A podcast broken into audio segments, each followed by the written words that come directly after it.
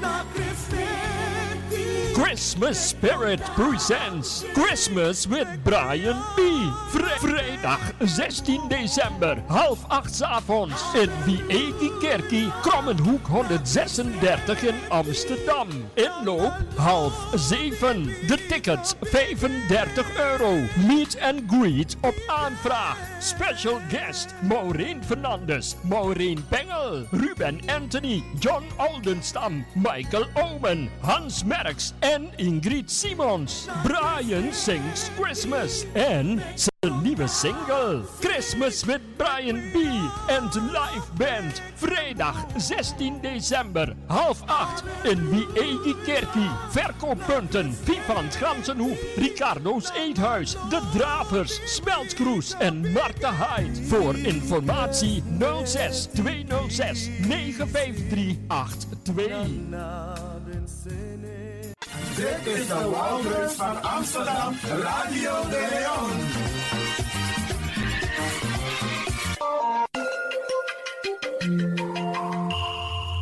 Je luistert naar Caribbean FM, de stem van Caribisch Amsterdam. Via kabel salto.nl en 107.9 FM in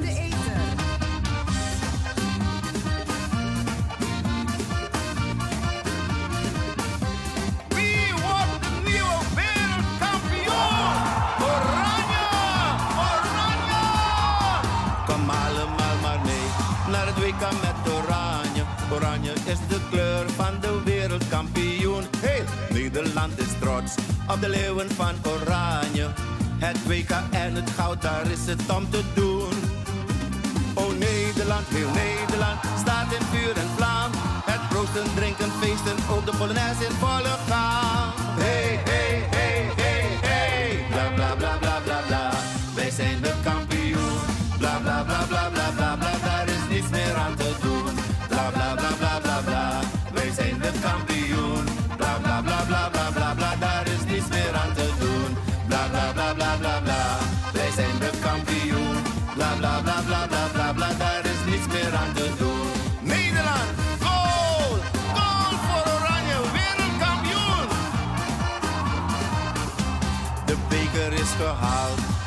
In extase. Op het waterplein en straten, massa's mensen overal. Het rood, wit, blauw in top. De spelers gaan voorop.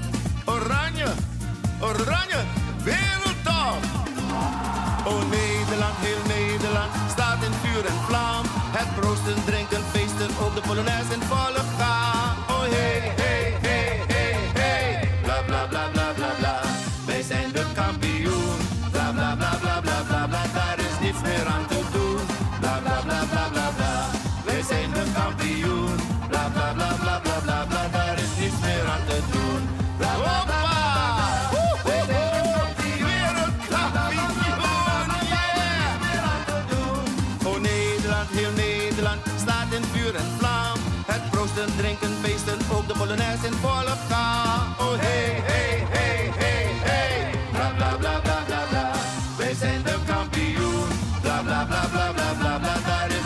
Meer. Bla bla bla bla bla bla. Wij zijn de kampioen. Bla bla bla bla bla bla bla. Daar is niets meer aan te doen. Bla bla bla bla bla bla. Wij zijn de kampioen.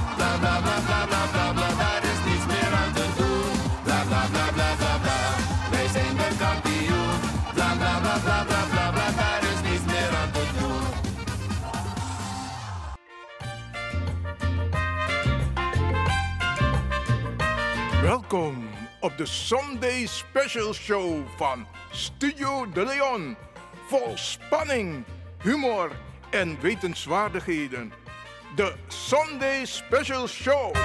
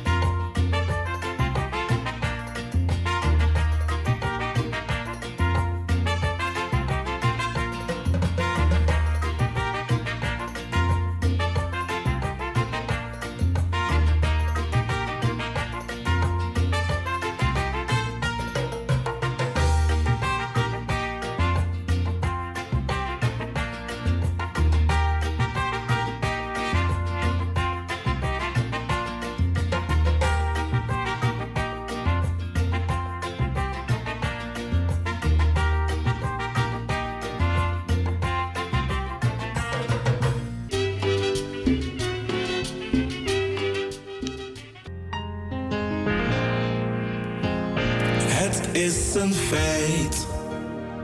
Wanneer een ieder zich inzet voor de strijd.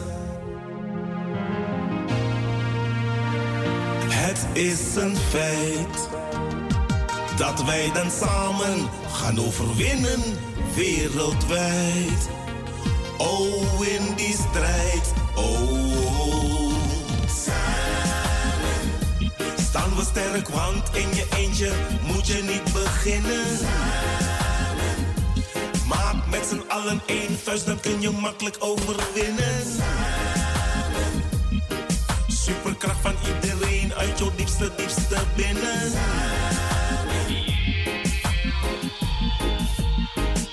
Het is een plicht dat iedereen zich één kant naartoe richt. Is een plicht dat je blijft staan en niet te snel voor pressie zwicht. Oh, oh, oh,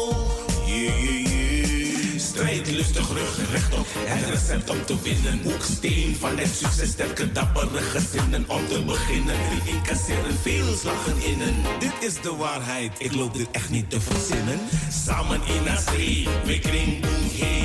Luang, vrede, vrede, fight, niet die nangati. Ga recht op je doel, af niet bang zijn voor geen enkel geblaf. Wano, lolo, bulwa, kan, kan, man. Geen MP3, maar waf. Geen Swift, maar DAF. Yes, I, yes, sterk, want in je eentje moet je niet beginnen. Maak met z'n allen één vuist, dan kun je makkelijk overwinnen.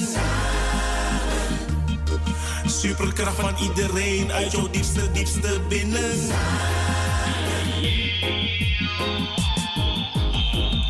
Het is een feit.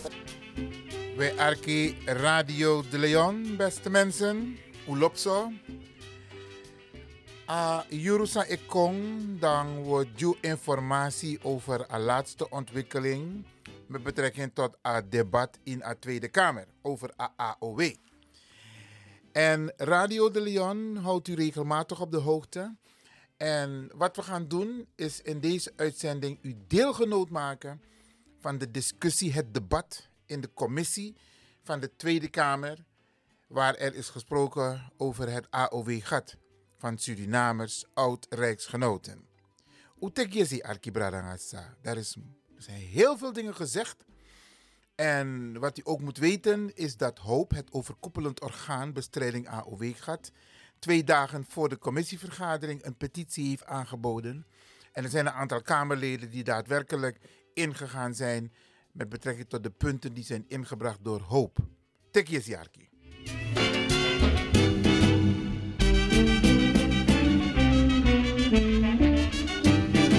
Zou ik eh, de bezoekers en de Kamerleden mogen vragen om alvast een plaats in te nemen, zodat ik de vergadering weer kan heropenen? Want ik denk dat de bezoekers ook heel erg benieuwd zijn naar eh, de antwoorden van de minister. Meneer Smals, meneer Rambaransink en meneer Bogga, zou u allemaal even uw plaats kunnen innemen?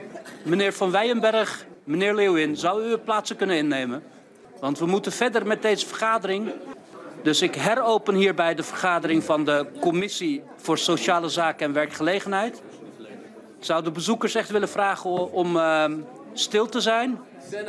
Ik geef graag uh, het woord aan de minister voor armoedebestrijding, participatiebeleid en pensioenen. Armoedebeleid. De minister. Dank u wel, voorzitter. En ook uh, dank aan alle aanwezigen hier in deze zaal. Maar hiernaast zit ook nog een zaal waar mensen meeluisteren. En ik kan mij voorstellen dat er ook nog mensen thuis zijn die met interesse dit debat volgen.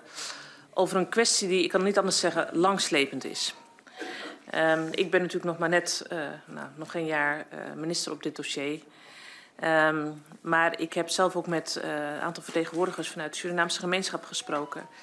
En ik heb ook gehoord hoe nou ja, diep hun um, ja, gevoel zit van, van onrechtvaardigheid. En ook een gevoel van, uh, wordt het dan ook uh, erkend? En uh, wat ons destijds is, is voorgespiegeld en hoe dat uiteindelijk ook heeft uitgewerkt. En niet alleen dat feit, maar dat er ook zoveel jaren al over gesproken wordt en dat we maar niet tot een keuze of een beslissing komen.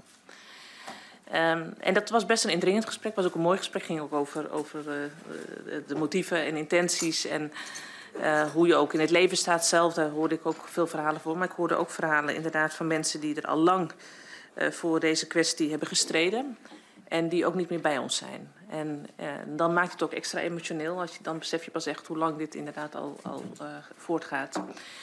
Um, en dat, dat, heb, dat trok ik me ook echt aan. Dat vond ik ook echt een, een, uh, nou ja, een bijzonder gesprek en dat zal ik me ook als zodanig herinneren. Um, maar ook hier in uw Kamer zijn er een aantal leden die hier uh, niet al uh, vanaf 75, al, of eigenlijk al daarvoor nog mee bezig zijn, maar ook de laatste jaren. En het is inderdaad een vrij breed aangenomen motie van uw Kamer geweest in 2020, even uit mijn hoofd, maar dat weet de heer Van Wijnberg beter dan ik. Die, voltallig, oké, okay, die ook zei, ga nu ook naar oplossingsrichtingen zoeken. Uh, daarop heeft mijn ambtsvoorganger, de heer Koolmees, uh, ook uh, gevraagd aan mevrouw Sylvester en, en, andere leden van de commissie. Die worden hier nooit genoemd, maar dat, die wil ik hier toch ook nog even memoreren. Dat zijn ook mensen die echt met hart ziel aan dit vraagstuk hebben gewerkt en daar ook echt mee bezig zijn gegaan. heeft inderdaad het rapport opgeleverd waarin aan de ene kant eigenlijk de situatie goed beschreven wordt. Ook om welke doelgroep het gaat, ook de juridische invalshoek. En waarin ook is gezegd, uh, nou, uh, kijk wat er mogelijk is bij de AOW, maar kijk ook naar de route van de um, onverplichte tegemoetkoming. hierop heeft mijn ambtsvoorganger ook aan de Raad van State gevraagd om een advies te geven. En die was inderdaad vrij helder, laat ik het zo even formuleren. En die zei. Um, binnen de AOW, binnen het stelsel, is er eigenlijk geen uh, uh, rechtvaardiging om hier een tegemoetkoming aan te geven vanwege het feit dat er uh, gesproken wordt over de ingezetenen en dat dat de mensen zijn die dus dan ook ja, die buiten Europa verbleven, dat dat niet als ingezetenen worden gezien. En die wijzen er ook op dat op het moment dat je dat criterium loslaat, dat dat ook een bredere werking kan hebben voor uh, de diverse andere uh, mensen die uit welke delen van, het land, of van de wereld dan ook komen, die ook dan zeggen van ik heb daar ook geen AW-opbouw gehad. En dat betekent ook iets voor mijn situatie.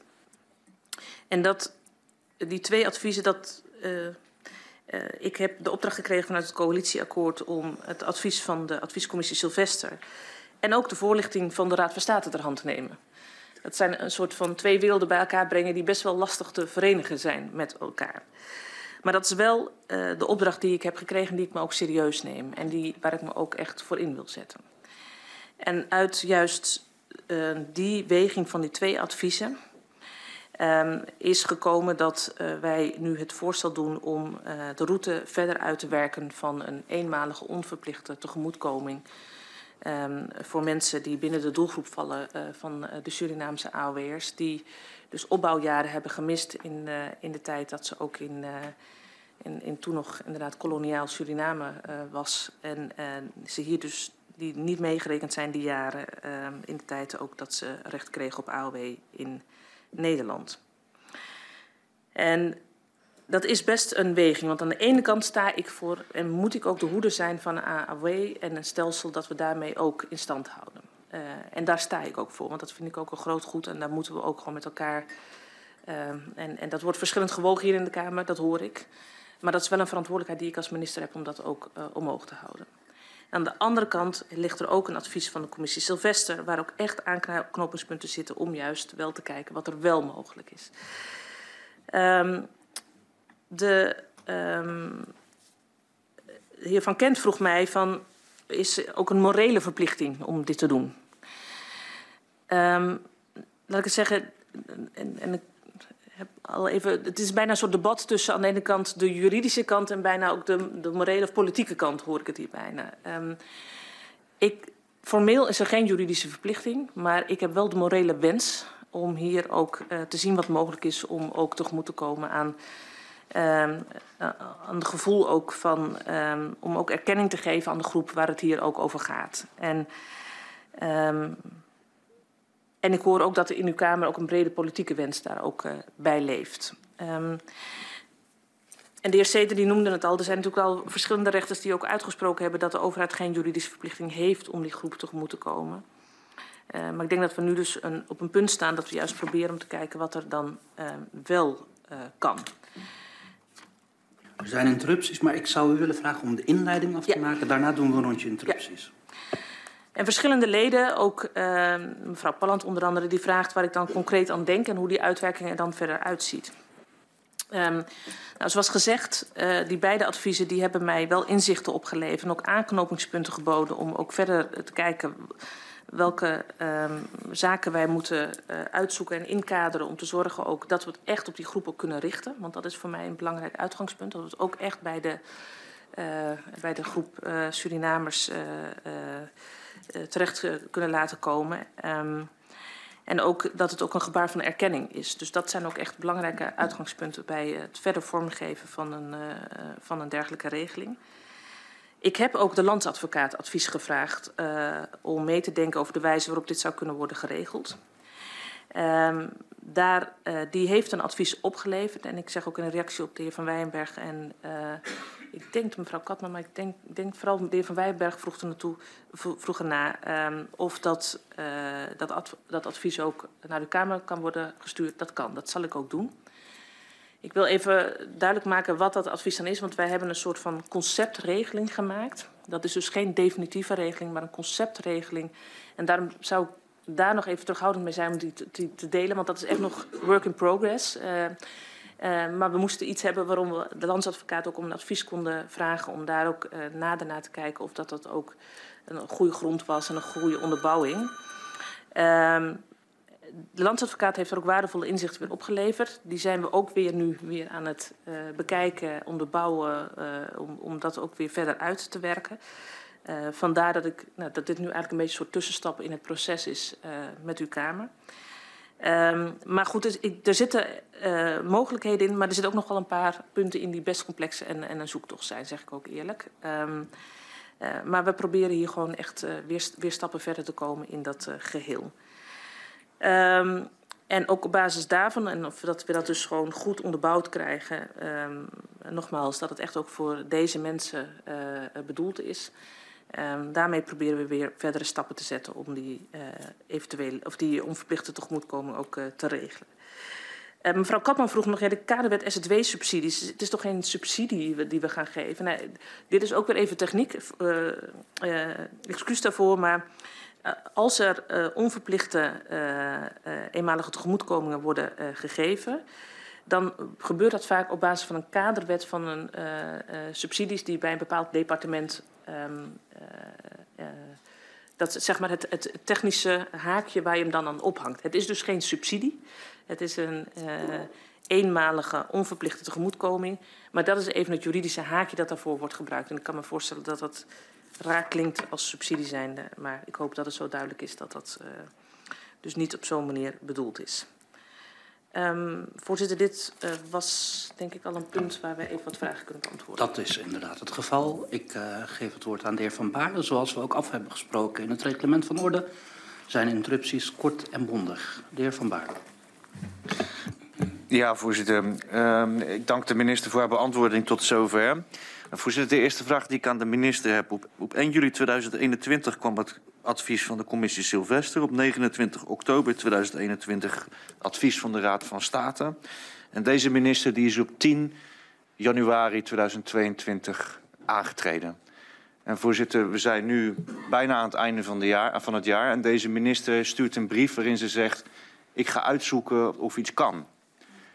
En voorzitter, mensen wachten al zo lang. Voorzitter, waar blijkt nou uit dat de minister alles aan de, uit de kast heeft getrokken... om ervoor te zorgen dat er iets komt? En waarom hebben we na al die tijd nu niet gewoon al een regeling liggen?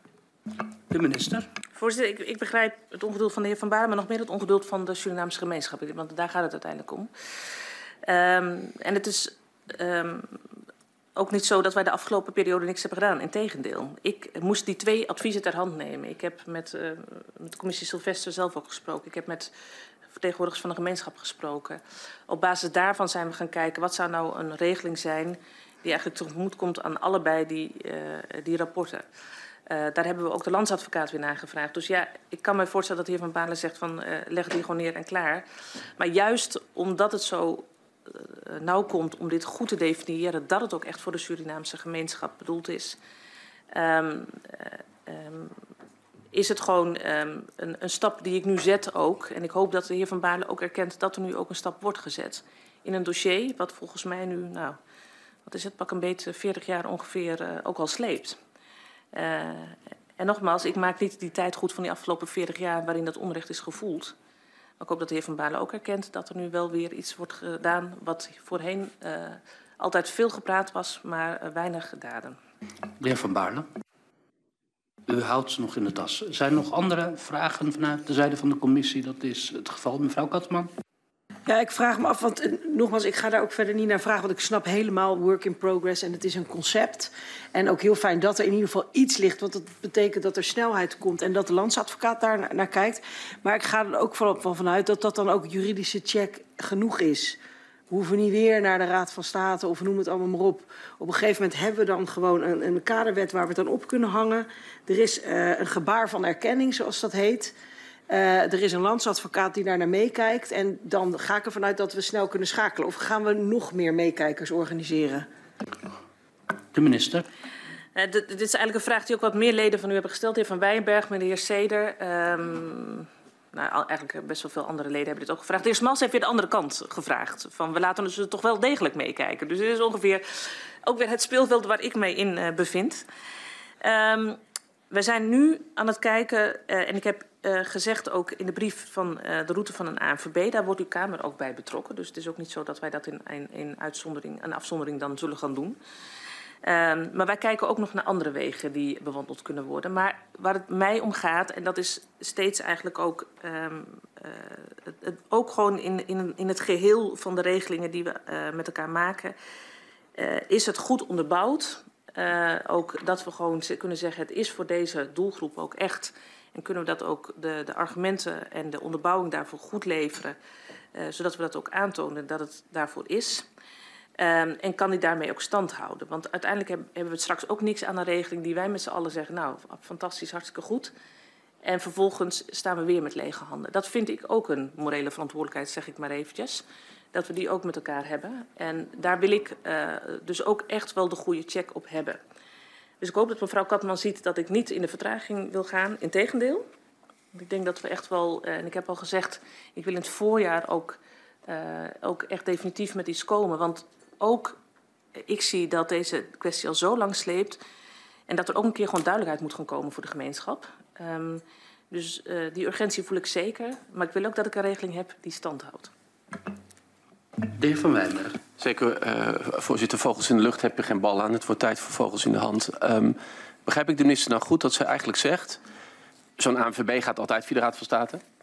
Maar ik ben ook nog andere wegen aan het onderzoeken.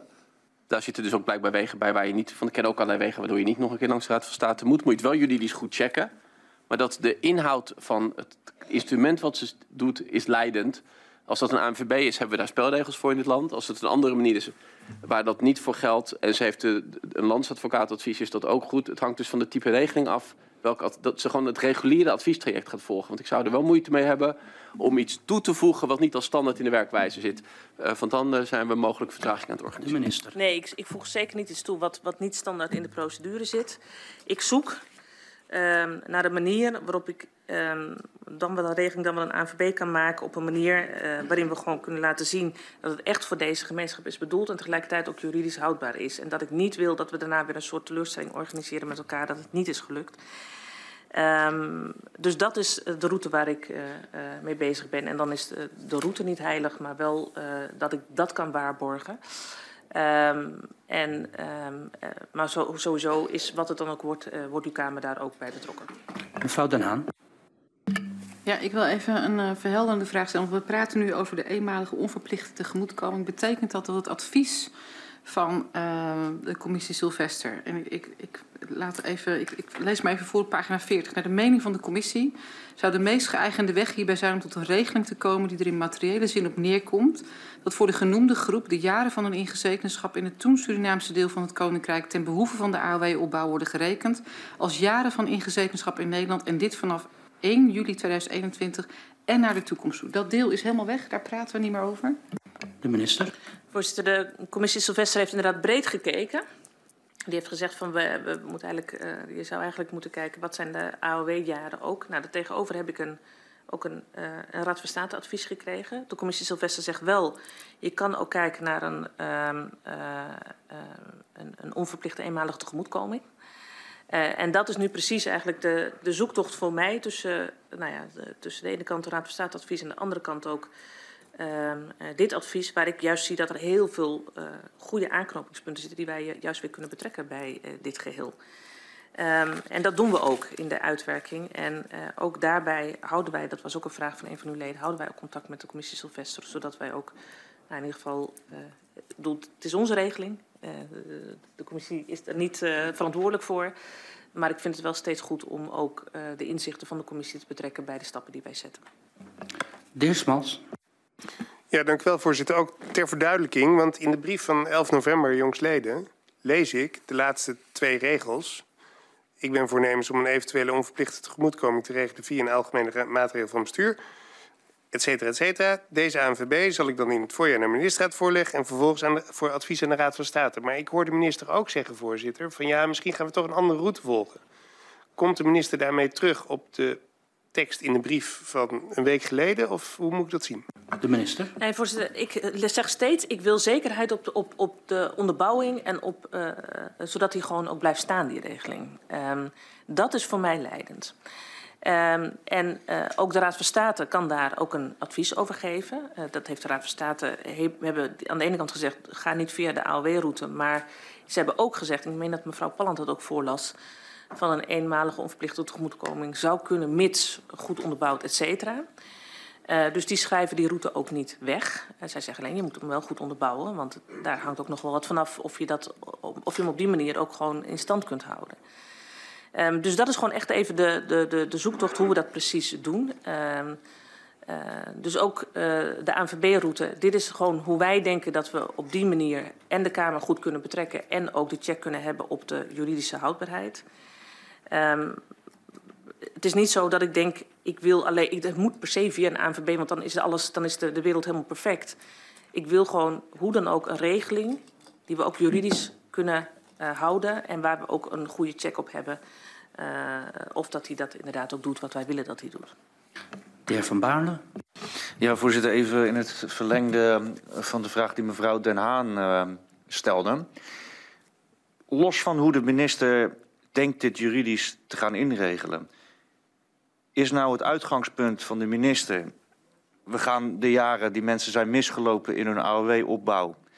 en de aanspraak voor de toekomst compenseren? Ja of nee? En als het antwoord ja is, is de minister dat dan bereid... door de door haar juridisch voorgestelde manier gewoon te gaan doen? Want dat adviseert ook de commissie. De minister. Ja, voorzitter, wat ik niet kan doen is die koppeling aan AOW. Want dat heeft de Raad van State vrij helder gezegd. Op het moment dat je dat doet, dan ga je ook naar andere groepen toe. Moet je dan gaan onderbouwen waarom je dat ook voor hen niet doet. En dat is best ingewikkeld. Dus ik wil eigenlijk wegblijven bij de AOW-route. Dat is volgens mij ook wat ik in mijn brief vrij helder heb gemaakt. En dat we daarom nu op de weg zijn gegaan van die onverplichte eenmalige tegemoetkoming. En uh, ik geef toe, wij, zoeken heel goed, ook met het advies van de commissie Sylvester, maar uiteindelijk is de regeling, of de, de, de, wat we ook uh, proberen op te zetten, is van mij, niet van de commissie Sylvester. Ik wil ook echt een commissie Sylvester daar niet in de, in, in, in de hoek drukken daarin, uh, want zij hebben hun eigen vrijheid om hun eigen adviezen te geven. Ik leg hiervoor wat wij voornemens zijn om dat verder ook uit te werken. De heer Van Baarle, vraag 3. Ja, voorzitter, vraag 3. Kijk, voorzitter, ik zeg niet dat we dat via de route van de AOW moeten doen... maar het advies luidt wel iets wat er in materiële zin op neer moet komen. Compensatie van hetgeen mensen zijn misgelopen, in materiële zin. De minister vindt dat juridische koppeling aan de AOW kwetsbaar is. Dat mag de minister vinden. De minister gaat een andere juridische weg bewandelen. Blijft het uitgangspunt dat we in materiële zin gaan compenseren wat mensen zijn misgelopen en de aanspraak voor de toekomst. De minister. Als je uh, gaat compenseren voor wat mensen hebben misgelopen, dan koppel je hem hoe dan ook aan de AOW. Want dat hangt samen met de AOW. En nogmaals, ik heb ook een verantwoordelijkheid om het stelsel van de AOW ook uh, uh, omhoog te houden. En die voel ik ook zwaar. We hebben ook heel wat uren debat over onder andere de pensioenwet. En, en ik weet dat mevrouw Matoeg daar een lofzang op de AOW had ook. Uh, vanwege de eenvoud en, en, en dat we hem al zo lang ook kunnen volhouden. Um, dat is echt een belangrijk uitgangspunt voor mij, dat we dat ook moeten blijven bewaken. Uh, daar, daarom is dat niet de route die ik kies. En dat is echt ook de route van de eenmalige onverplichte tegemoetkoming. Um, ik hoor dat hier verschillend over gedacht wordt uh, hoe dat zou moeten worden vormgegeven. Uh, of dat je dat wel of niet als compensatie of op al dan niet de koppeling van het gemis aan AOW-jaren. Uh, maar nogmaals, ik probeer daarnaast gewoon een andere route te zetten. Ik heb nog een aantal interrupties staan, maar ik neem ook aan dat we hierbij ook een aantal vragen die zijn beantwoord door Kamerleden hier, hierbij ook behandelen. mevrouw Den Haan. Ja, ik heb die vraag inderdaad gesteld, maar het komt inderdaad hier nu ook wel uh, ter sprake. Ik, ik ben het met de minister eens dat het belangrijk is om het stelsel van de AOW omhoog te houden. Daar zijn we in Nederland denk ik heel erg trots op. Maar tegelijkertijd uh, vraag ik me af, heeft de minister de Raad van State gevraagd in het kader van de precedentwerking welke andere groep dan uh, wellicht in aanmerking zou kunnen komen? Want ik kan die groep gewoon echt niet bedenken die zou voldoen aan dezelfde voorwaarden. Ik kan het gewoon niet. De minister. De Raad van State schetst in haar advies um, een, een, breder punt eigenlijk van het, uh, het aantal jaren uh, dat je niet ingezeten bent geweest in Nederland. Uh, of dat dat dan ook meegenomen kan worden in de vaststelling van de AOW. Dus de Raad van State heeft het niet specifiek over de groep van was deze groep nu Nederlander of niet. Zij gaan echt in op het loslaten van dat criterium. En dan heb je natuurlijk een veel bredere groep van mensen die er aanspraak op kunnen gaan maken. Uh, omdat zij allemaal uh, misschien enkele jaren niet ingezeten zijn geweest, maar wel uh, dan ze kunnen zeggen, maar dan wil ik ook graag de opbouw van die AOW-jaren hebben. Mevrouw Den Haan, vraag drie. Ja, voorzitter, ik, ik, ik begrijp de beargumentering nog steeds en ik sluit, sluit aan bij de slinksheid waar uh, uh, meneer Van Baarle het al eerder over had. Want ingezetenschap van Nederland, deze mensen waren ingezetenen van Nederland, alleen ze woonden niet hier op Nederlandse bodem in Europa. Dus ja, met alle respect. De minister. Ja, volgens mij moeten we niet via mij een discussie met de Raad van State gaan zitten voeren, want dit is hoe de Raad van State de, de, de reactie heeft opgesteld. Maar ik, ik sluit ook wel even aan bij het woord slinks. Want ik vind dit, dit is gewoon wetgeving die hier, uh, en daar kun je van alles van vinden, die is hier aan de orde geweest in de, in de Kamers vele jaren terug. Um, dus dat is gewoon op een uh, democratische manier tot stand gekomen. Hier gaat de vraag erover, wist deze groep, kon ze erop rekenen of ze wel of niet uh, als ingezetenen van Nederland werden gezien? Dat is de discussie waar het hier over gaat. Uh, en ik heb volgens mij gelijk aan het begin van het debat ook gezegd dat ik me heel goed kan voorstellen dat daar.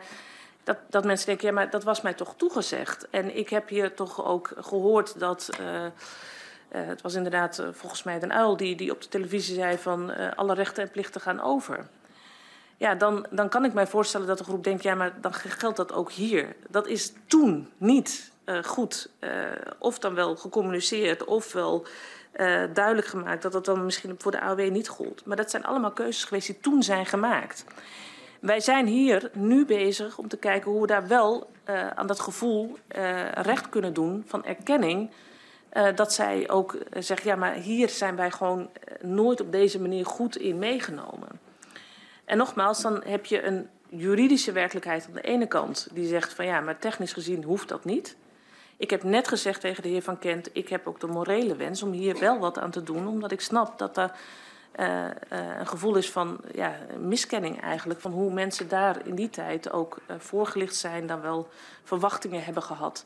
Maar dat ik het dus niet aan de AOW koppel, want dat is echt een, een stelsel dat ik ook gewoon wil bewaken. Mevrouw Simons. Voorzitter, ik heb respect voor het feit dat de minister zegt ik moet dat stelsel bewaken. Uh, tegelijkertijd uh, doet het me weinig, want de wetten en regels waar zij zich nu op beroept en zegt die zijn toen gemaakt, als we die ook in de context van toen bekijken, dan komt toch weer het woord slinks op. Want als een minister-president op nationale televisie zegt... alle rechten en plichten gaan over... dan weet ik niet waar Surinamers op dat moment nog... in andere informatie hadden moeten gaan zoeken. Um, we weten dat uh, huidige bewindspersonen verantwoordelijkheid dragen voor voorgaand beleid. En um, het antwoord op de vraag die mevrouw uh, Den Haan net stelde is dus... er zijn geen andere groepen. Er kan geen sprake zijn van precedentwerking. Er zijn geen andere groepen die Nederlands ingezetenen waren. En dat ingezetenenschap, dat is niet arbitrair. Je kunt niet zeggen, dat was je wel op, voor die wet. Dat was je wel als het ging over plichten. Uh, uh, maar niet nu het gaat over rechten. Dat is willekeur. En dat is precies de willekeur waar deze mensen last van hebben. En voorzitter, als u mij toestaat nog even daar uh, iets aan toe te voegen. Misschien een vragende zin ook, want dit is ook wel echt iets wat u in de tweede termijn had kunnen doen, mevrouw Simon. Dan ga ik wat ik wilde zeggen in de tweede termijn doen, voorzitter. Maar de vraag is of de minister het met mij eens is dat we niet kunnen shoppen daar waar het gaat om rechtmatigheid uh, rondom ingezetenenschap. De minister. Voorzitter, ik, ik shop ook niet uh, op basis van rechtmatigheid en ingezetenschap. En sterker nog, uh, ik weet dat hier de discussie over gaat. Uh, kon men aangemerkt worden als ingezetene, ja of nee? En ik snap heel goed dat, dat mensen de verwachting hebben gehad... op het moment dat dat gewoon gezegd wordt... al uw rechten en plichten gaan over... dat je dan ook niet denkt, oh, dan zal het wel niet voor de AOW gelden. Um, en ja, ik ben staatsrechtelijk verantwoordelijk voor inderdaad alles wat mijn voorgangers hebben gedaan. Dus u mag mij daar ook op beroepen. Um, en tegelijkertijd hoop ik dat u ook ziet dat ik juist wel aan dat gevoel recht probeer te doen. Uh, omdat het formeel misschien niet, uh, uh, nou ja, dat niet de regel was. Maar ik wel vind dat ik gewoon moet zoeken naar een manier waarin ik dat gevoel wel recht kan doen. Mevrouw Simon. Voorzitter, het gaat hier niet om een gevoel van miskenning. Het gaat hier om feitelijke miskenning. Met grote financiële gevolgen. En um, volgens mij zijn we het er met z'n allen, ook de minister, over eens dat die miskenning, sorry, dat, ja, dat die feitelijke miskenning, dat daar uh, recht gedaan moet worden. En dan vraag ik me toch af, als de wil er echt zo groot is, ik ben ervan overtuigd dat de minister uh, discretionaire bevoegdheid heeft om te zeggen: Ik vind het zo belangrijk, ik ga dit regelen voor die groep mensen. En hoe het beestje dan moet heten, het zal mij werkelijk een worst wezen, zeg ik uh, in goed Nederlands. De minister. Dat is mij duidelijk van mevrouw Simons dat, dat, dat, dat, dat het niet zo heel veel kan schelen. Um, en het is, ook, uh, het is ook niet dat ik uh, alleen maar zeg het moet per se dit of het moet per se dat. Nogmaals, ik wil de AOW uh, zoals we die hebben, dat stelsel, dat moet ik omhoog houden. En dat ga ik ook echt omhoog houden. Ook al zegt u, wij zien dat anders. Maar wel een manier zoeken waarin we wel recht kunnen doen aan het gevoel van erkenning van de groep die hier gewoon zo lang al op heeft gewacht. Mevrouw Matoeg. Ja, voorzitter, ik zit toch even te worstelen met die presidentswerking.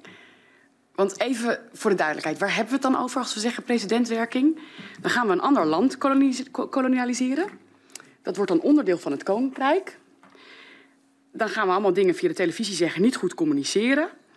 Als die situatie zich voor gaat doen, dan is er risico tot presidentwerking. Hoe waarschijnlijk acht de minister deze situatie, voorzitter? De minister. Nee, even, ik moet hem even terughalen. Dus ik snap inderdaad de context. En ik hoop dat we, um, nou ja, dat we nooit meer tot kolonialisatie overgaan. Want dan zou dat eerst moeten plaatsvinden. En dan uh, zouden we daar weer de situatie hebben. Het gaat hier uh, bij de AOW over het begrip uh, wanneer ben je ingezetene. Um, en bij ingezetenen staat bij de AOW dat je ook hier in, in het land bent. En dat je daar dus ook aanwezig bent zeg maar, voor de jaren. Dus ook nu als u uh, naar het buitenland gaat, dan tellen die jaren ook niet mee voor uh, de AOW-opbouw. Um, dus dat is de juridische kant van het verhaal. Hier gaat het om, mocht men, ja, had men een verwachting kunnen hebben dat uh, mensen um, ook ofwel als ingezetenen aangemerkt zouden zijn bij de AOW, ehm, en of dat al hun rechten en plichten over zouden zijn gegaan. Nou, dat is uh, formeel niet het geval geweest. Maar nogmaals, dan heb je wel nog een morele wens uh, of een, een, een, een, wens om daar wel tegemoet aan te komen. En dat probeer ik nu via die onverplichte tegemoetkoming. Mevrouw Matoeg. Eh, Laat het even heel duidelijk zijn voordat iemand denkt dat GroenLinks net uh, tot iets opriep. Dat was helemaal niet. Het was om uh, metaforisch te laten zien uh, dat die situatie zich nooit meer voor gaat doen. En dat deze situatie waar we het nu over hebben heel bijzonder is, voorzitter. En het enige wat dan overblijft is wat verwachten we dan als deze regeling er komt? En volgens mij is de Kamer daar echt heel duidelijk over. Niet in de AOW-systematiek. Noem het wat je het wil noemen. Regel het, maak er een regeling van. Um, en vanuit welk mensbeeld gaan we dan uit? En volgens mij heeft elke fractie hier uh, beargumenteerd dat deze groep een hele andere is dan andere groepen die ook AOW gaat hebben. Uh, waar mijn fractie zich zorgen maakt, ook over de koopkrachtigheid van groepen. Ook uh, naar de vraag. Ik ga naar een vraag, voorzitter. En mijn vraag is: zou deze minister, in plaats van vanuit de angst van die presidentwerking die we vaker gezien hebben, nu eens vanuit vertrouwen willen beredeneren en zeggen: We hebben vertrouwen en we weten dat deze groep gedefinieerd is. En ik kies er dus voor vanuit mijn morele verplichting dat nu zo te doen. Uh, en dan hebben we dat hier met elkaar ook gezegd. En dan is dat risico er toch niet, vraag ik via u, voorzitter. De minister. Ja, voorzitter, ik heb ook echt met een, uh, een wet te maken en ook met, uh, met kaders die erin staan en dat we ons daaraan moeten houden. Uh, u kunt daar andere opvattingen over hebben, die vrijheid heeft u. Ik moet een, een, een stelsel ook bewaken. het is niet, um, dus ik kan daar niet losjes mee omgaan, laat ik het maar even zeggen. En zeggen we, nee, voor deze groep doen we het dan wel of deze groep doen we het dan niet. Um, en daar is de Raad van State echt wel echt, glashelder in. Ik kan daar ook niet anders, en ik hoop dat mevrouw Matoeg dat ook herkent, die zegt... Uh, dat daar uh, die wet, uh, dus, een, um, dus dat er nu geen, geen, geen haakje is in de wet zeg maar, om dit op te baseren. En als je dat dus zou gaan introduceren in, de, in de AOW, dat het karakter van de wet ook echt substantieel zou wijzigen.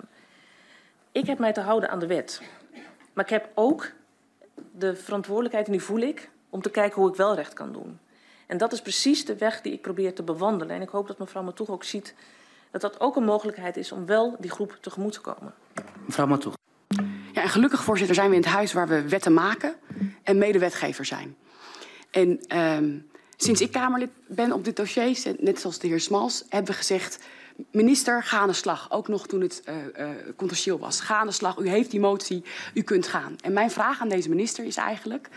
Um, ik wil weg van deze discussie. We zeggen, kom met een regeling. Dus um, wil de minister vandaag zeggen: ik ga.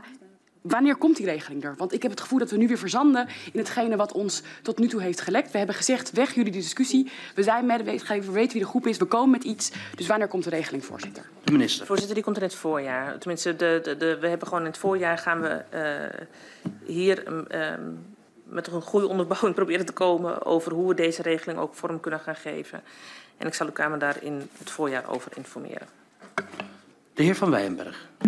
Dank u, voorzitter. Het, het is vooraf gewoon waar dat, dat de, minister Koolmees en, minister Schouten de eerste twee ministers zijn die ons niet alleen maar brieven sturen. Ik kan niet, ik wil niet, ik doe niks. Maar dat we wat gaan doen. Dus uh, dat, vind ik, dat vind ik fair, dat, dat wil ik ook gewoon uitspreken. Volgens mij zeggen we dat over allemaal. Maar het is wel belangrijk voor het debat, want ik begrijp dat de minister hier ook deels terug moet duwen op de Kamer uh, vanuit die AOW-rol. Maar de kern van de gedachte van, van Evert-Jan Slootweg en mijzelf was het woord rijksgenoten. En is nou eigenlijk dan de korte samenvatting, en dan even los van wat ik ervan vind, dat de, dat, dat, de, dat de minister de Raad van State zo leest, als dat hij dat als argument, waarvan wij hoopten dat gaat ons een kans geven, dat de Raad van State dat gewoon in mootjes heeft gehakt. Ik betreur dat, ik ben het er misschien ook niet mee eens, maar ik snap wel dat de minister daarmee moet schaften. Is dat nou de harde realiteit? Dan gaan we daarna door naar de oplossing. Maar ik denk dat dat wel belangrijk is, omdat anders blijft dit hangen. Want ik zou dat ook het liefst willen. Maar is nou de kern dat de Raad van State zegt... Uh, Van Wijberg en al die andere mensen die er ondersteunen... leuk bedacht, kan niet? De minister. Ja, het korte antwoord is ja.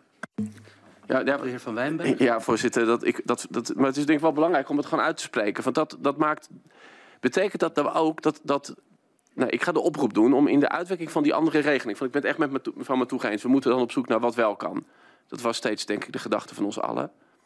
Hoe we wel zo dicht mogelijk komen bij het gevoel van rechtvaardigheid. En dat vind ik moeilijk, want dat hangt deels samen met het aantal jaar de AOW. En tegelijkertijd zegt de minister tegen ons, daar mag ik op geen enkele wijze naar refereren, want dan kom ik aan de AOW-wet. Dat is, dat is, dat, dat, ik zie de minister knikken, zo, dat was een beetje het gevoel wat bij mij begon te bekruipen na de laatste tien minuten beantwoording.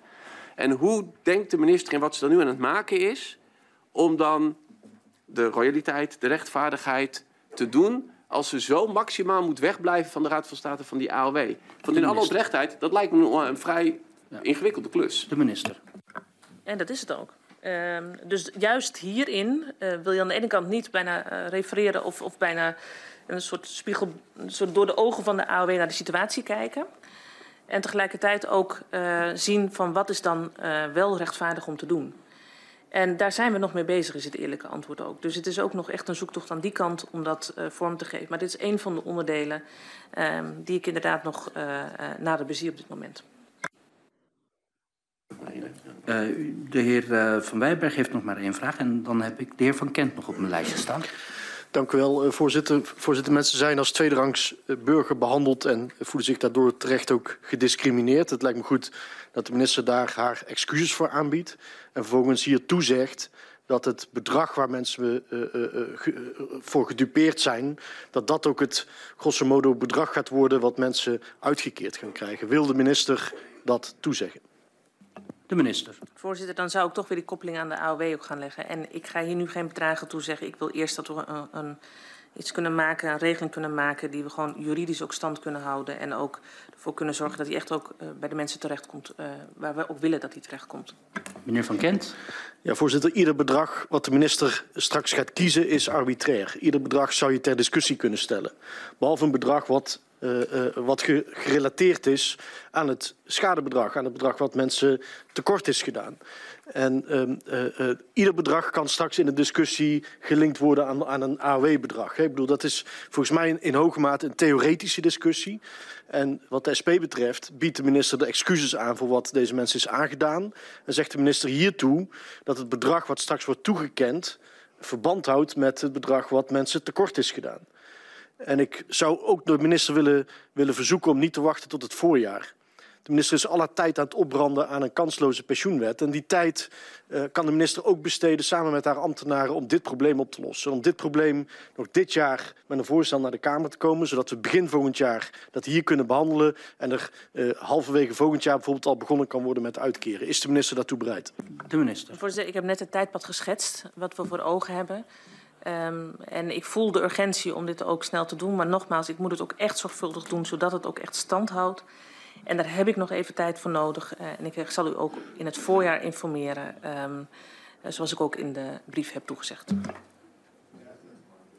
De heer Van Kent, vraag 3. Ja, nou, we gaan niet de, de discussie over, over pensioenen. Daar gaan we het nog voldoende over hebben, meneer Van Kent. Nee, ik had een vraag gesteld over het bedrag. Dat ieder bedrag arbitrair is, behalve het bedrag wat gelinkt is aan de schade.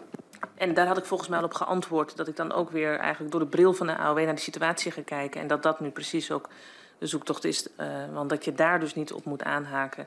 En dat we nu dus aan het kijken zijn uh, wat dan wel een bedrag zou zijn wat recht doet. De heer Smals. Ja, voorzitter, dank u wel. In het verlengde van wat meneer Van Wijenberg net in het, in het debatje met de minister had. We zijn voortdurend aan het stoeien met wel of niet de relatie met de AOW. Want juridisch mag dat niet, maar, maar het heeft er natuurlijk wel mee te maken. Dat geldt ook voor dat rijksgenotenschap, zeg maar. Dat, dat begrip, dat, dat is een probleem. En, en toch is het de oorzaak, maar ook het probleem om het op te lossen, als ik het goed begrijp.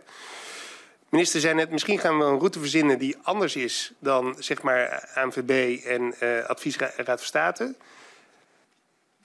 In, in gedachte dat stevige advies van de Raad van State, is het dan niet sowieso verstandig, welke route we dan ook nemen, dat we dan toch, hoe dan ook, die Raad van State vragen van hoe kijkt u hiernaar? Want ik kreeg het gevoel bij de vorige beantwoording dat de minister daar niet van plan was. De minister. Nee, dat heeft, ik, ik, ik zeg steeds, ik wil gewoon een, een juridisch houdbaar uh, route hebben.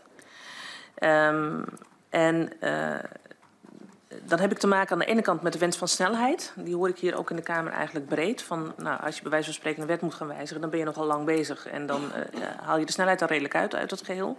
Dus daarbinnen zoeken we eigenlijk naar um, mogelijkheden om de snelheid erin te hebben. Waar je wel een formele vehikel hebt, ook voor de Kamer, om daar ook nog wat van te vinden. Dus dat is de ene kant. En aan de andere kant moet die ook juridisch solide zijn. Um, en daarvan is uh, ook een, uh, een advies van de Raad van State daarbij belangrijk. Maar ook daarvoor moet ik ook zelf al, uh, al, al vrij goed kunnen hebben onderbouwen hoe die regeling ook echt juridisch houdbaar is. Dus zo heb ik dit bedoeld. Mevrouw Matoeg. U beseft dat dit uw laatste Ja, het is mijn laatste interruptie. Daarom fronste ik, want uh, tot ik, voor de mensen op de tribune, mijn laatste interrupties, ik heb al hoge verwachtingen, maar die, die, die, die, die zijn altijd uh, hoger dan de praktijk. Nou, laatste poging. Um, we, zitten nu echt. De minister zei net: ik heb een conceptregeling. Um, en uh, er werd net ook gevraagd: wanneer gaan we over op uitbetaling? Want ik zit hier vandaag met wat gaan we doen? Um, ik hoor nu de minister: ik zoek naar de juridische route. Dat is waarom we een andere regeling zoeken. En voor mij is deze heel vergelijkbaar met regelingen die we vaker getroffen hebben, historisch ook, vanuit een historisch plichtbesef. En die regeling hebben we gedaan vanuit een politieke moraliteit. En die hebben we gewoon gemaakt. En hebben gezegd, hier is het geld, zo doen we het. En mijn vraag aan de minister, als je die hebt, en je hebt die conceptregeling, je hebt die test gedaan, en hij voldoet en hij lijkt op dat er op het Sylvester, het is niet AOW, want je hebt hem losgetrokken van de AOW, we hebben een andere naam gegeven, dan heb je toch de juridische route, dan heb je het gedaan. Dan is het enige wat we nodig hebben, is politieke moed. En dan bent u hier gesteund door de meerderheid van de Kamer die zegt, gaat u zo door, we gaan betalen, voorzitter.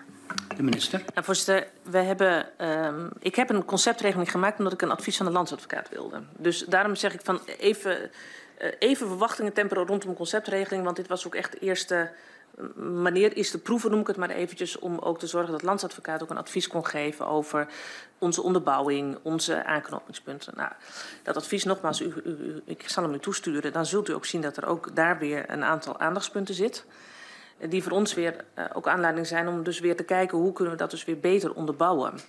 Dus dit is onder andere ook een van de routes die we nu aan het aflopen zijn. Juist ook dat juridisch uh, geborgd te krijgen.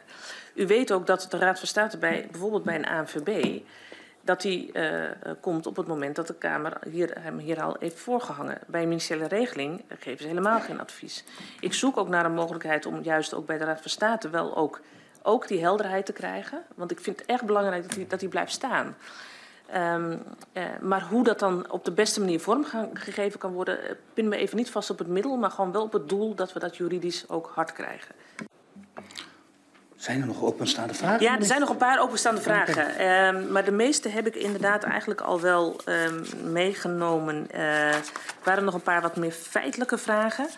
Uh, want de heer uh, Ceder heeft gevraagd hoeveel gebruik er gemaakt is van de inkoopregeling van de AOW. Uh, van de mensen die vanuit Suriname voor de onafhankelijkheid, dus voor uh, 25-11-75, naar Nederland zijn gekomen, hebben ongeveer 150 mensen gebruik gemaakt van de inkoopregeling. En van iedereen die na de onafhankelijkheid naar Nederland zijn gekomen, hebben er ook ongeveer 150 mensen gebruik gemaakt. Dus in totaal zo'n 300.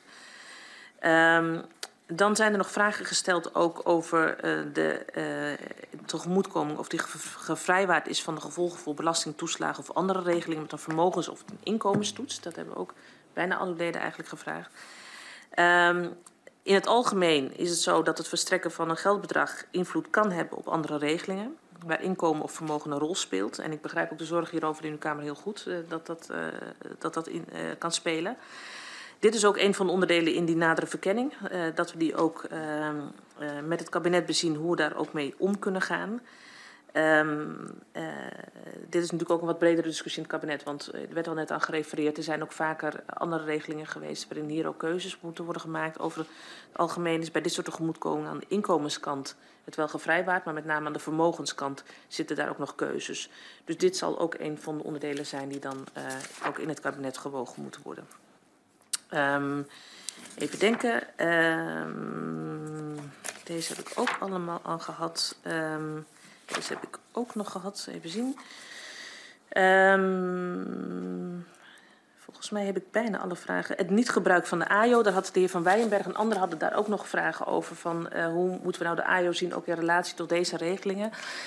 Bij uh, de AJO is uh, een van de regelingen waar het niet gebruik het grootst is. Dat klopt. Dus ongeveer de, de Algemene Rekenkamer schat om ongeveer 30% niet gebruik. Dat is een van de redenen geweest waarom wij ook hebben gezegd... we moeten nu ook een, een, een pilot starten om die gegevens ook sneller met elkaar te kunnen koppelen... zodat we zelf proactief de mensen kunnen gaan benaderen van... u heeft mogelijk recht op AJO. Dat kon tot nu toe steeds niet. En we zijn nu juist net gestart met de Sociale Verzekeringsbank en het UWV om die gegevens met elkaar te delen, zodat de SVB gewoon heel gericht naar de mensen toe kan gaan van let op, u heeft hier mogelijk uh, recht op. Ik had gisteren nog een bestuurlijk overleg met de SP waarin dit onderwerp ook aan de orde is gekomen. En zij zijn er ook echt al mee uh, gestart. Um, en dus uh, als ik daar wat meer zicht op heb op hoe dat nu loopt en hoeveel mensen daar dan ook op reageren, dan zal ik uw Kamer daar ook over informeren. Um, ik heb nog een aantal vragen vanuit de zijde van de commissie. Ik begin bij de heer Van Kent. Ja, dank voorzitter. Begrijpt de minister dat als mensen zien dat er in een weekend banken kunnen worden genationaliseerd, er miljoenen overgemaakt kunnen worden naar KLM, er omvangrijke coronasteunpakketten kunnen worden georganiseerd in een hele korte tijd, uh, dat uh, mensen het ongeloofwaardig vinden dat dit al zo lang speelt en de minister hier aangeeft nog al die tijd nodig te hebben voordat er uiteindelijk geld overgemaakt wordt aan de rechthebbenden? De minister.